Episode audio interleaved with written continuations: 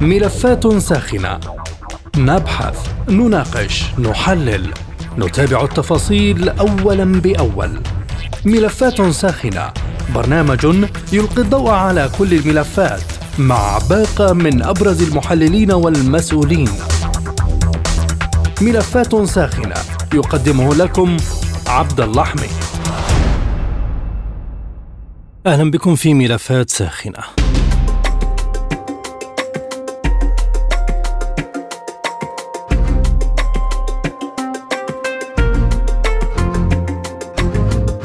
في الذكرى الرابعة والخمسين لحريق المسجد الأقصى أصدرت الأمانة العامة لجامعة الدول العربية بيانا طالبت فيه المجتمع الدولي والأمم المتحدة بالتدخل لوقف الانتهاكات المستمرة التي ترتكبها إسرائيل تجاه القدس والمسجد الأقصى ومنع أي محاولات لتغيير الوضع القانوني والتاريخي القائم في المدينة. وذكر بيان الجامعة أنه منذ إحراق المسجد في الحادي والعشرين من أغسطس عام 69 تواصل الحكومات الإسرائيلية المتعاقبة في انتهاكاتها بالمسجد الأقصى وحرمته من خلال الحفريات التي تنفذها أسفل منه وفي محيطه بهدف تقويض أسسه والعمل على هدمه بالإضافة إلى الاقتحامات اليومية من أعضاء الحكومة الإسرائيلية والمستوطنين تحت الحماية المباشرة من القوات الإسرائيلية. وجددت الجامعة العربية تمسكها بكامل مساحة المسجد وأنه مكان خالص لعبادة المسلمين وأعربت عن رفضها وإدانتها لأي محاولة للانتقاص من السيادة الفلسطينية على القدس الشرقية عاصمة الدولة الفلسطينية ومقدساتها أو أي إجراءات أحادية تمس المكانة القانونية للقدس بما في ذلك المساس بالوصاية الهاشمية على المقدسات الإسلامية والمسيحية.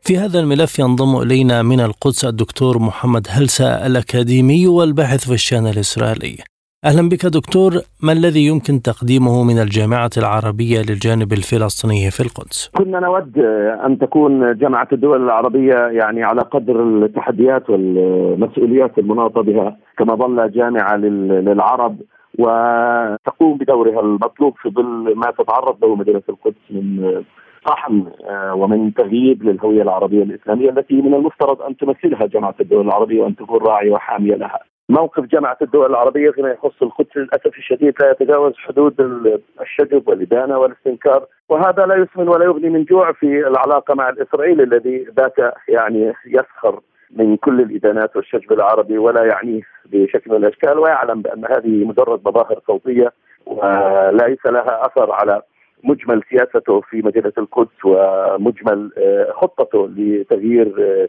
الواقع آه، الديموغرافي والديني والتاريخي والسياسي في مدينه القدس.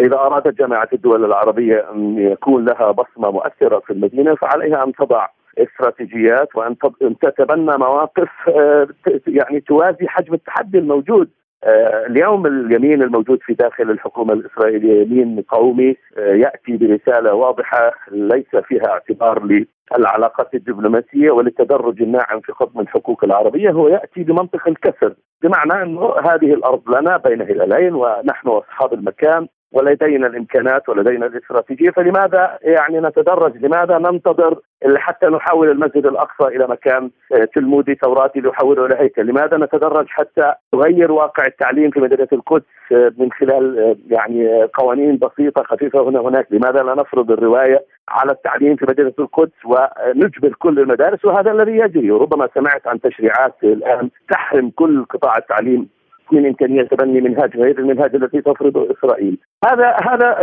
يساق ويطبق على كل القطاعات في مدينه القدس، هذا الأمر لا لا يجدي معه مواقف فيها شجب وإدانة واستنكار ولا يجدي معه فتات الذي تقدمه يقدمه العرب هنا وهناك. هذا هي يعني حملة طاحنة. انتظرنا ووقفنا موقف المتدرج. لن يكون هنالك مظهر من مظاهر العروبة والإسلام في داخل المدينة المقدسة. فإن كان هذا ما تريده جماعة الدول العربية وما يريده العرب إن كانوا فرادى أو مجتمعين فيعني فليضعوا كفا على كف وخد خدا على كف كما يقال أو كفا على خد ينتظروا ما يجري اللي يجري في مدينة القدس عظيم ولا يستطيع المقدسي وحده أن يتحمله ولا تستطيع السلطة الفلسطينية أيضا أن تتحمله لوحدها بحاجة إلى تكاتف جهود بحاجة إلى اولا إرادة تطبق من خلال قرارات والقرارات تنفذ على الأرض ويجري تمويلها وإسناد الفلسطينيين في داخل المدينة المقدسة لأنه الذي آه، يحاك ضد الرواية العربية والإسلامية ضد الوجود العربي والإسلامي وليس الفلسطيني لأن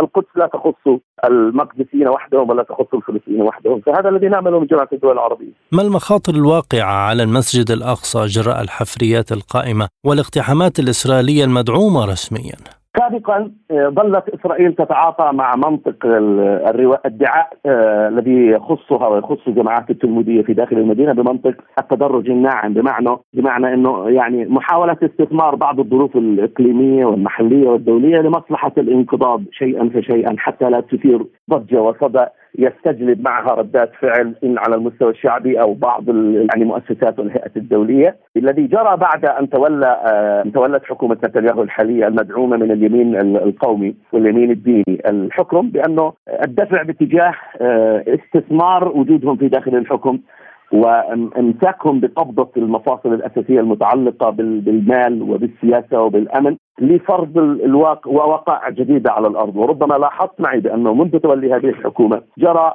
القفز خطوات إلى الأمام فيما يخص هذه هذا الإدعاء الاسرائيلي، كان يمنع على اليهود المقتحمين الأقصى أداء مظاهر من مظاهر الصلوات اليهودية، الاعداد تزايدت سمح الآن بالصلاة جهارا نهارا وأداء طقوس متعلقة بالعبادة اليهودية وبالهيكل وسمح لزيادة الاعداد، سمح بالدخول من أماكن مختلفة، ضيق على المسلمين في داخل المدينة، ضيق على الأوقاف وعلى المساحه الهامش الضيق أصلا اللي كان متاح للأوقاف للتصرف في داخل المسجد الأقصى، الآن اسرائيليا الذي يحاك هو محاولة قلب الواقع في داخل مدينة القدس وتحديدا المسجد الأقصى لمصلحة اليهود. في هذه النقطة دكتور برأيك بهذا الحال فرضت إسرائيل تقسيما زمنيا ومكانيا للمسجد الأقصى؟ لغايه الآن إسرائيل فرضت التقسيم الزماني مفروض منذ فترة طويلة، الآن الذي يحاك هو فرض التقسيم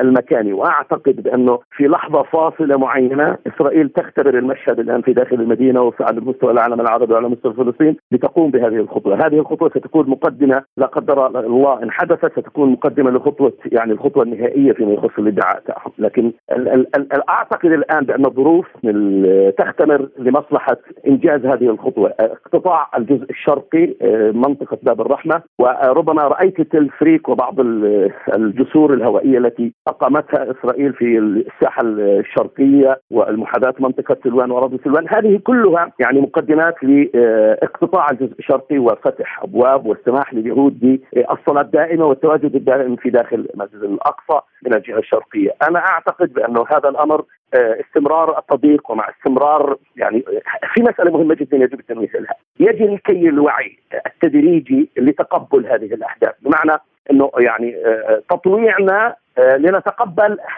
هذه اللحظة الفاصلة، الاقتحامات التي تجري، زيادة الأعداد، الحديث اليومي، الحديث بنكفير، اقتحامات بنكفير، هذه كلها تأتي كبالونات اختبار ولي يعني نحن نستكين ونست يعني خلص نتكي على مسألة إنه لن يجري في لحظه معينة سيجري هذا الأمر وسنفاجأ بأنه إسرائيل وجماعات التلمود وجماعات الهيكل اقتطعت المساحة الشرقية من المسجد الأقصى. ولم تكن هناك ردات فعل صاخبة في العالم العربي، طبعا إسرائيل تراهن في هذه المسألة على عدة اعتبارات، اولا انشغال العالم وعلى رأس الولايات المتحدة والقوى العظمى في الذي يجري بين روسيا وأوكرانيا، انشغال العرب في آه، إعادة ترتيب موازين القوى وبعلاقتهم مع إسرائيل. جزء منهم اليوم مطبع وماشي في آه، علاقات اقتصادية وأمنية مع إسرائيل. وانشغال الحالة الداخلية الفلسطينية بالصراعات آه، والانقسام الجاري. وأنت ترى أيضا في الضفة الغربية تحديدا حالة المد المقاوم الضعف الذي يعتري السلطة ومحاولة إسرائيل إضعافها حتى يعني تكون رهينه للحالة الإسرائيلية وللمواقف الإسرائيلية والرغبات الإسرائيلية الذي يجري من صراع في داخل السلطة على خلافة أبو مازن وغيرها من القضايا، هذه كلها إسرائيل تعتقد بأنها يعني ظروف آه، مواتية والخشية الآن من أن يعني نصحو في ليلة وضحاها ونكتشف بأنه تم اقتطاع جزء من المسجد الأقصى لمصلحة اليهود وحينها أعتقد بأنه يعني هذا الأمر سيمر لأنه آه، كما مرت هذه الحكومة وكما مرت كثير من القرارات التي فرضتها والتي كانت خطوط حمر فيما مضى اليوم نتعاطى معها كأمر واقع آه، آه، أعتقد انه لا قدر الله حدث هذا الأمر سيتعاطى العرب والفلسطينيين معه كأمر واقع وهذا الذي هذا الذي تراهن عليه إسرائيل. ماذا عن المقدسيين؟ هل يظلوا في المواجهة وحدهم؟ إلى ماذا يحتاجون وما المطلوب منهم؟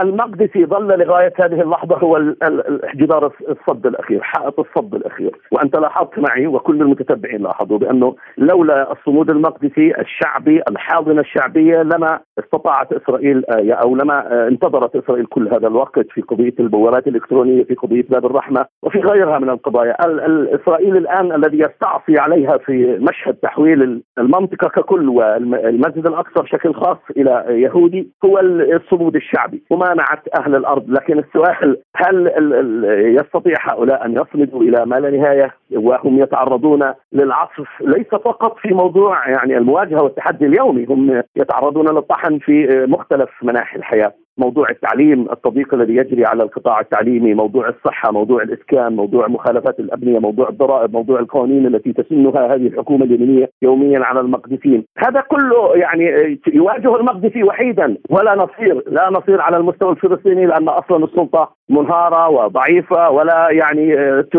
تستطيع، العرب أيضا غائبون وان تدخلوا يتدخلوا بحدود السقف الذي تسمح به إسرائيل فتات هنا وهناك، لكن في القضايا الاستراتيجية الكبيرة يعني لا لا يوجد لا يوجد لديهم رغبة ولا إرادة ولا تسمح إسرائيل حتى اللي وجدت الإرادة لتحدي إرادتها وفرض مثلا مشاريع وبرامج قادرة على إسناد المقدسيين الذي يقدم فتات في كل معنى الكلمة، الاتحاد الأوروبي اتحاد منافق يدعم قطاعات تتعلق بالشباب وبالجندر وبالنساء. أيضا هي لا تسمن ولا تغني من جوع في محاولة تحدي المشروع الاستيطاني الإسرائيلي، الرهان على المقدسيين وحدهم ولا ولا يعني آه، آه، يمكن في ظل كل هذا الأمر أن يطلب من المقدسيين أن يخوضوا حرب عن الأمة العربية والإسلامية منفردين لوحدهم، الآن الإرادة العربية الإسلامية آه، إرادة صلبة والرهان الإسرائيلي على طحنها وعلى احتوائها وعلى تفتيتها ثبت إنه خاسر لكن آه، أيضا هذا مش معناه أنه العرب يتكئوا ويركنوا إلى هذا هذا الأمر إلى ما لا نهاية لأنه هذا جدار أيضا له حدود لقدرته على التحمل، جدار الشعبي، جدار الممانعة الشعبي، فالى إلى متى يمكن الرهان على هذا الأمر؟ ومع كل هذا العصف الذي نراه ويجري في مع المقدسين، المطلوب إسناد والإسناد مش فقط في الشعارات، الإسناد كما قلنا في البداية مش بس في جامعه الدول العربية، في كل الأطر الرسمية العربية وفي كل الدول العربية الرسمية المطلوب إسناد يمكن هذا الإنسان المقدسي من استمرار المنافحة والمدافعة. عن هوية عربية إسلامية لا تخصه وحده في داخل المدينة. شكرا جزيلا لك دكتور محمد هلسة الأكاديمي والباحث السياسي في الشأن الإسرائيلي كنت معنا من القدس. من حيفا ينضم إلينا الدكتور أسعد غانم أستاذ العلوم السياسية. أهلا بك دكتور، يعني الضغط المستمر على إسرائيل لم يؤتي أكله حتى الآن فيما يخص المسجد الأقصى، ما الأسباب برأيك؟ يعني هنالك عدة أسباب. أولا السبب الرئيسي هو أن إسرائيل من خلال علاقاتها الاستراتيجية مع الغرب وخصوصا الولايات المتحدة التي تقف بشكل يعني مجاف للحقيقة في كل الدوائر الدولية من مجلس الأمن إلى الجمعية العامة إلى كل الدوائر الأخرى. هي تضغط وتضغط ليس فقط على دول يعني محايدة بل تضغط كذلك على دول عربية. وحتى كما تتذكر عندما تم تقديم تقرير جولدستون بشكل بشأن الانتهاك الإسرائيلي في الحرب على غزة عام 2008 حتى السلطة الوطنية تراجعت نتيجة الضغط الأمريكي من تقديم يعني إسرائيل للمحكمة الدولية. لذلك هذا هو سبب أول أول وطبعا الموقف الداعم من اللوبيات المسانده لإسرائيل وخصوصا اللوبي الصهيوني في الولايات المتحدة هو عامل مهم في تقليل الضغط على إسرائيل أو تقوية الموقف الإسرائيلي وازدياد يعني اعتدائها على القدس آه، عموما وعلى المسجد الأقصى بشكل خاص. الأمر الآخر الثاني وهنالك كما تعرف صحيح انه هنالك موقف عربي كلامي متضامن مع الفلسطينيين وضد الانتهاكات الإسرائيلية، لكن للأسف لا يمكن لا يوجد موقف عربي متعاضد مع بعض قادر أن يرفع قضية الاعتداءات الإسرائيلية بشكل جدي للمستوى الدولي من أجل الضغط على إسرائيل ويعني استعمال القوة مراكز القوة العربية وأعني طبعا خصوصا في دول الخليج أو في دول أخرى من أجل دفع العالم للوقوف بشكل واضح ضد الانتهاكات الإسرائيلية، قبل سنتين مثلا كان هنالك اقتراحات اقتراح أن تكون إسرائيل عضو مراقب في القمة الأفريقية، لكن موقف الجزائر دولة واحدة عربية أدى إلى تراجع القمة الأفريقية عن هذا الموقف أو هذا هذا المشروع، لذلك هنالك أهمية لتفعيل الموقف العربي بشكل أكثر طبعا آه، المواقف مهمة لكن اتخاذ إجراءات تتبع المواقف من أجل الضغط على على الدول المساندة لإسرائيل. والهيئات المساندة لإسرائيل هو أمر مهم وباعتقادي يعني وصلت الاعتداءات الإسرائيلية كما نعرف كلنا إلى أبعد مدى خلال السنتين الأخيرتين وخصوصا بعد صعود اليمين المتطرف إلى الحكم في إسرائيل. نحن لا نتحدث فقط عن إحراق حوارة أو المساندة وزراء في الحكومة الإسرائيلية بل هنالك مشاريع كبرى تعلن عنها حكومة إسرائيل. لاستمرار السيطرة على القدس وثانيا السيطره على الضفه الغربيه ومنع إقامة دولة فلسطينية، لذلك نحن أمام يعني مرحلة مهمة في الصراع الفلسطيني الإسرائيلي وتفعيل الدعم الدولي للفلسطينيين في القدس وخارج القدس هو أمر مهم وطبعا الموقف العربي يجب أن يكون أكثر فعالية في التصدي وهذا طبعا لا يلغي إنه هناك ضروره لموقف فلسطيني أكثر وضوحا وأكثر يعني ثباتا في دعم المقدسيين وهذا أمر يجب تداوله فلسطينيا. وللأسف طبعا هنالك تراجع في السنوات الأخيرة بالدعم السلطة الوطنية للمقدسيين وليس فقط دعم الدول العربية. طالما أن إسرائيل لها كل هذه التحركات والمواقف والعلاقات مع المجتمع الدولي ما الذي تقدمه البيانات العربية؟ البيانات العربية هي مهمة. الموقف المتضامن مع الشعب الفلسطيني ومع الموقف الفلسطيني هي مهمة جدا جدا وخصوصا أن هنالك كما تعرف صحيح أن هنالك في تطبيع رسمي أو جزء من الدول العربية تطبع مع إسرائيل. لكن الموقف الشعبي يعني مساند للموقف الفلسطيني معارض للتطبيع مع إسرائيل ومعارض ل طبعا وله موقف ضد الاختراقات الإسرائيلية في المسجد الأقصى وفي القدس عموما وباقي المناطق الفلسطينية. ولذلك الموقف المساند ولو رسميا بالموقف هو مهم. المسألة الأخرى أنه خلال طبعا 20 30 أو أكثر من ذلك وخصوصا بعد أوسلو جرى تراجع في الدعم العربي. جرى تراجع في دعم المقدسيين وأنا أعني ماليا وماديا ويعني أخلاقيا وسياسيا وجرى تراجع في دعم الفلسطينيين عموما. هنالك أهمية أن أن يتم رفض يعني مع الدعم الكلامي والإعلانات والخطب المهمة يجب أن يكون هنالك دعم حقيقي للمقدسيين ونحن نعرف أن المقدسيين هن ليس فقط المسجد الأقصى وهذا مهم لكن هنالك شعب فلسطيني يقاوم يوميا الاعتداءات الإسرائيلية وهنالك مهمة يعني جد على يعني الآن تصل إلى ذروة الأهمية في دعم المقدسيين من أجل تقوية صمودهم وكما قلت الدعم يجب يكون دولي لكن كذلك عربي أكثر من دولي وكذلك فلسطيني. أعني القيادة الفلسطينية عموما وخصوصا في الضفه الغربيه والسلطة الوطنية. ما أوجه التحرك العربي اذا المطلوبه في سبيل وقف الانتهاكات القائمة التي تتحدث عنها الجامعة العربية؟ أهم شيء في المرحلة الحالية بما إنه يعني الآن تعطى إسرائيل هدايا وجوائز على انتهاكاتها بحيث إنه الانتهاكات تقابل بتطبيع عربي بقبول عربي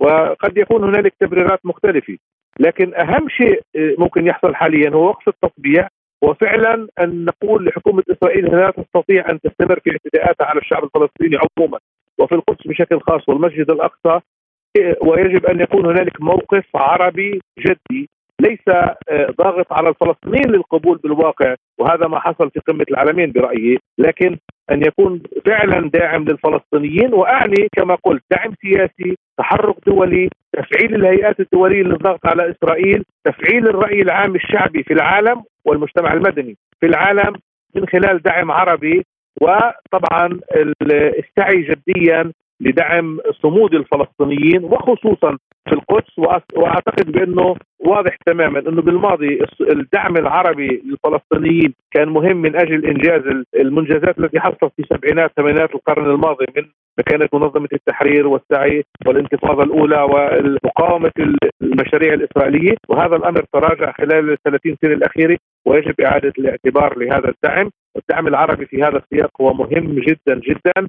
الفلسطينيين لا يمكن أن يتركوا لوحدهم في هذه الجبهة اللي فيها تفوق إسرائيلي على الأقل في المجال العسكري وإذا لم يتم موقف على الأقل سياسي وداعم ماليا ومعنويا للشعب الفلسطيني أخشى انه الفلسطينيين لن يستطيعوا الصمود لوحدهم، لذلك هنالك أهمية قصوى بالدعم وتفعيل الرأي الوسائل العربية، الدول العربية والجامعة العربية والمؤسسات الأخرى من أجل أن يكون هناك تحرك دولي بكل المؤسسات ضد الانتهاكات الإسرائيلية وخصوصا ان إسرائيل يعني الآن أصبحت حتى لا تخشى من مواقفها العنصرية هذه المواقف العنصرية يجب أن تقود إلى مقاطعة إسرائيل وزيادة الضغط على إسرائيل من أجل أن تتراجع عن سياسات. إلى أي مدى يستجيب المجتمع الدولي للمطالبات العربية ضمن البيانات الرسمية الموجهة للمستوى الدولي؟ لا المسألة إذا كان فقط هو بيان على المستوى الإعلاني وللعالم العربي لأنه يعني من أجل إرضاء الرأي الشعبي أو من أجل إرضاء الفلسطينيين أنا بعتقد أنه هذا غير كافي. وطبعا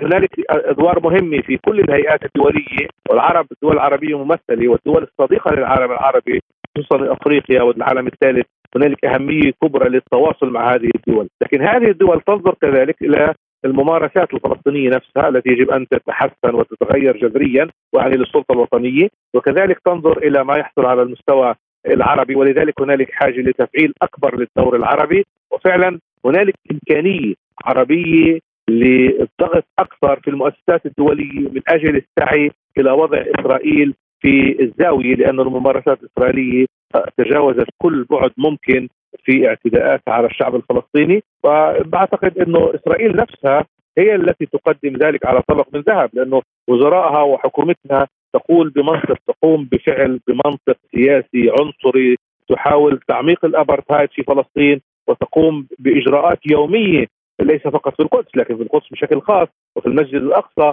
ولذلك هنالك أهمية أن يعني يتم إيقاظ العالم مجددا في شأن القضية الفلسطينية وبرأيي نستطيع ذلك إذا كان هنالك تضافر الجهود العربية والفلسطينية. ولكن هذا يتطلب اولا تغيير جذري داخليا داخل يعني أعني في ممارسات السلطة الوطنية تجاه القدس وفي تصرفاتها كما في تصرف الدول العربية وتعاملها مع إسرائيل. التي تنتهك أصبحت تنتهك وبشكل فرض كل شيء وعلى المكشوف كما يقال. شكرا جزيلا لك دكتور أسعد غانم أستاذ العلوم السياسية، كنت معنا من حيفا.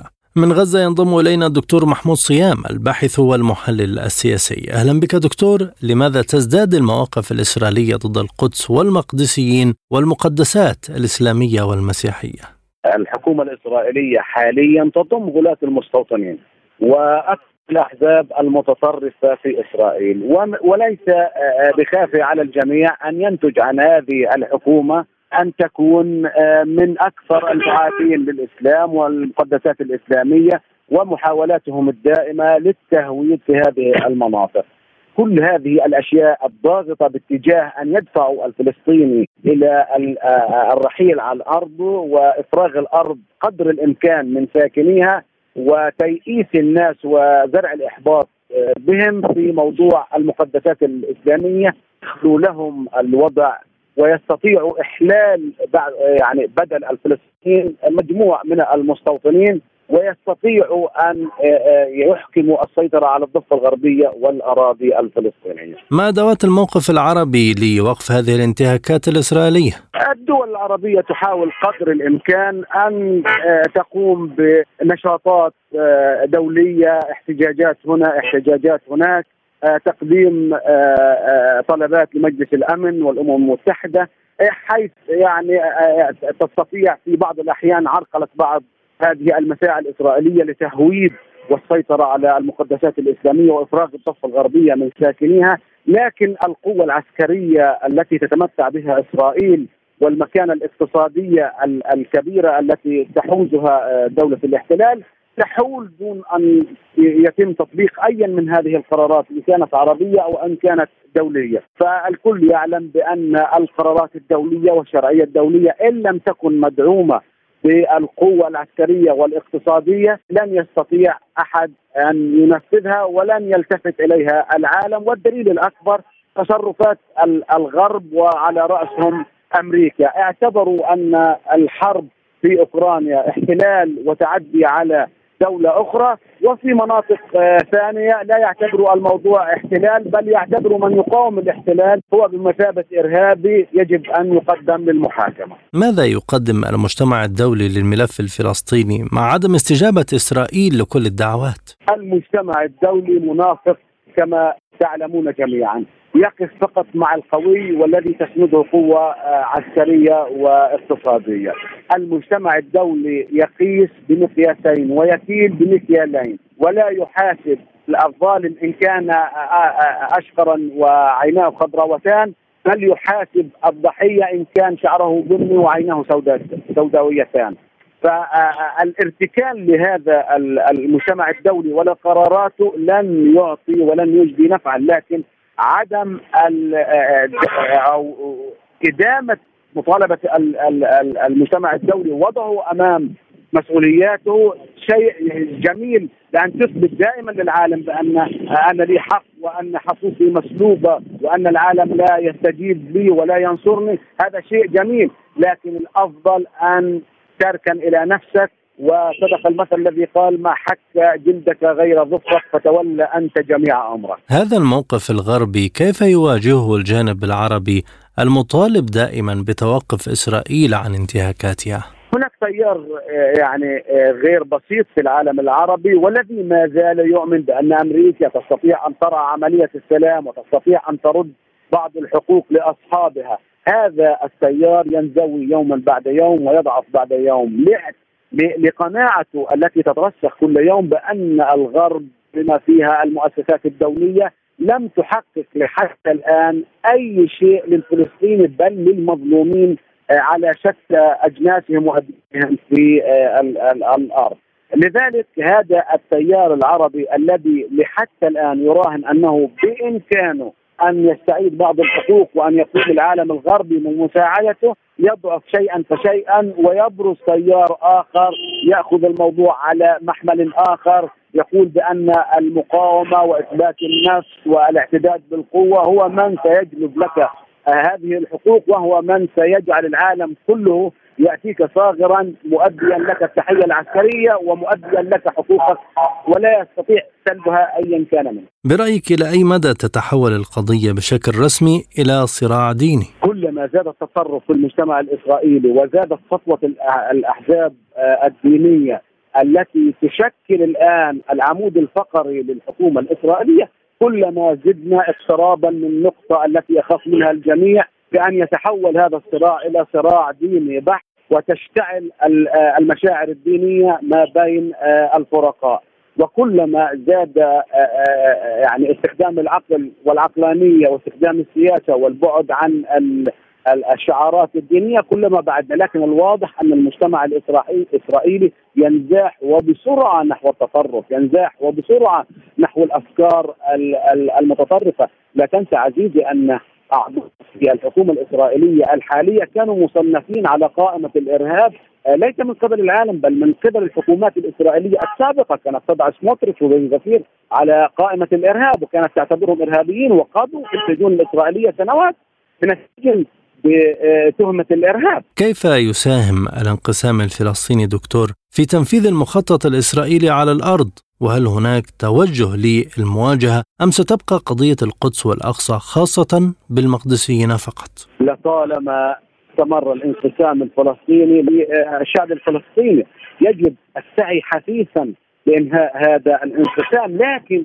واضح أنه في حياة الرئيس محمود عباس لن يحدث اختراق في موضوع الانقسام الفلسطيني ولن تتحقق الوحدة في وجود هذا الرئيس الذي طالما واعتقادي أنه قام بإفشال في أكثر من مرة أفشل الكثير من المحاولات للمصالحة الوطنية. شكرا جزيلا لك دكتور محمود صيام الباحث والمحلل السياسي كنت معنا من غزة، كما نشكركم مستمعينا الكرام على طيب المتابعة، إلى اللقاء. مستمعينا بهذا نصل وإياكم إلى نهاية هذه الحلقة من برنامج ملفات ساخنة، طابت أوقاتكم وإلى اللقاء.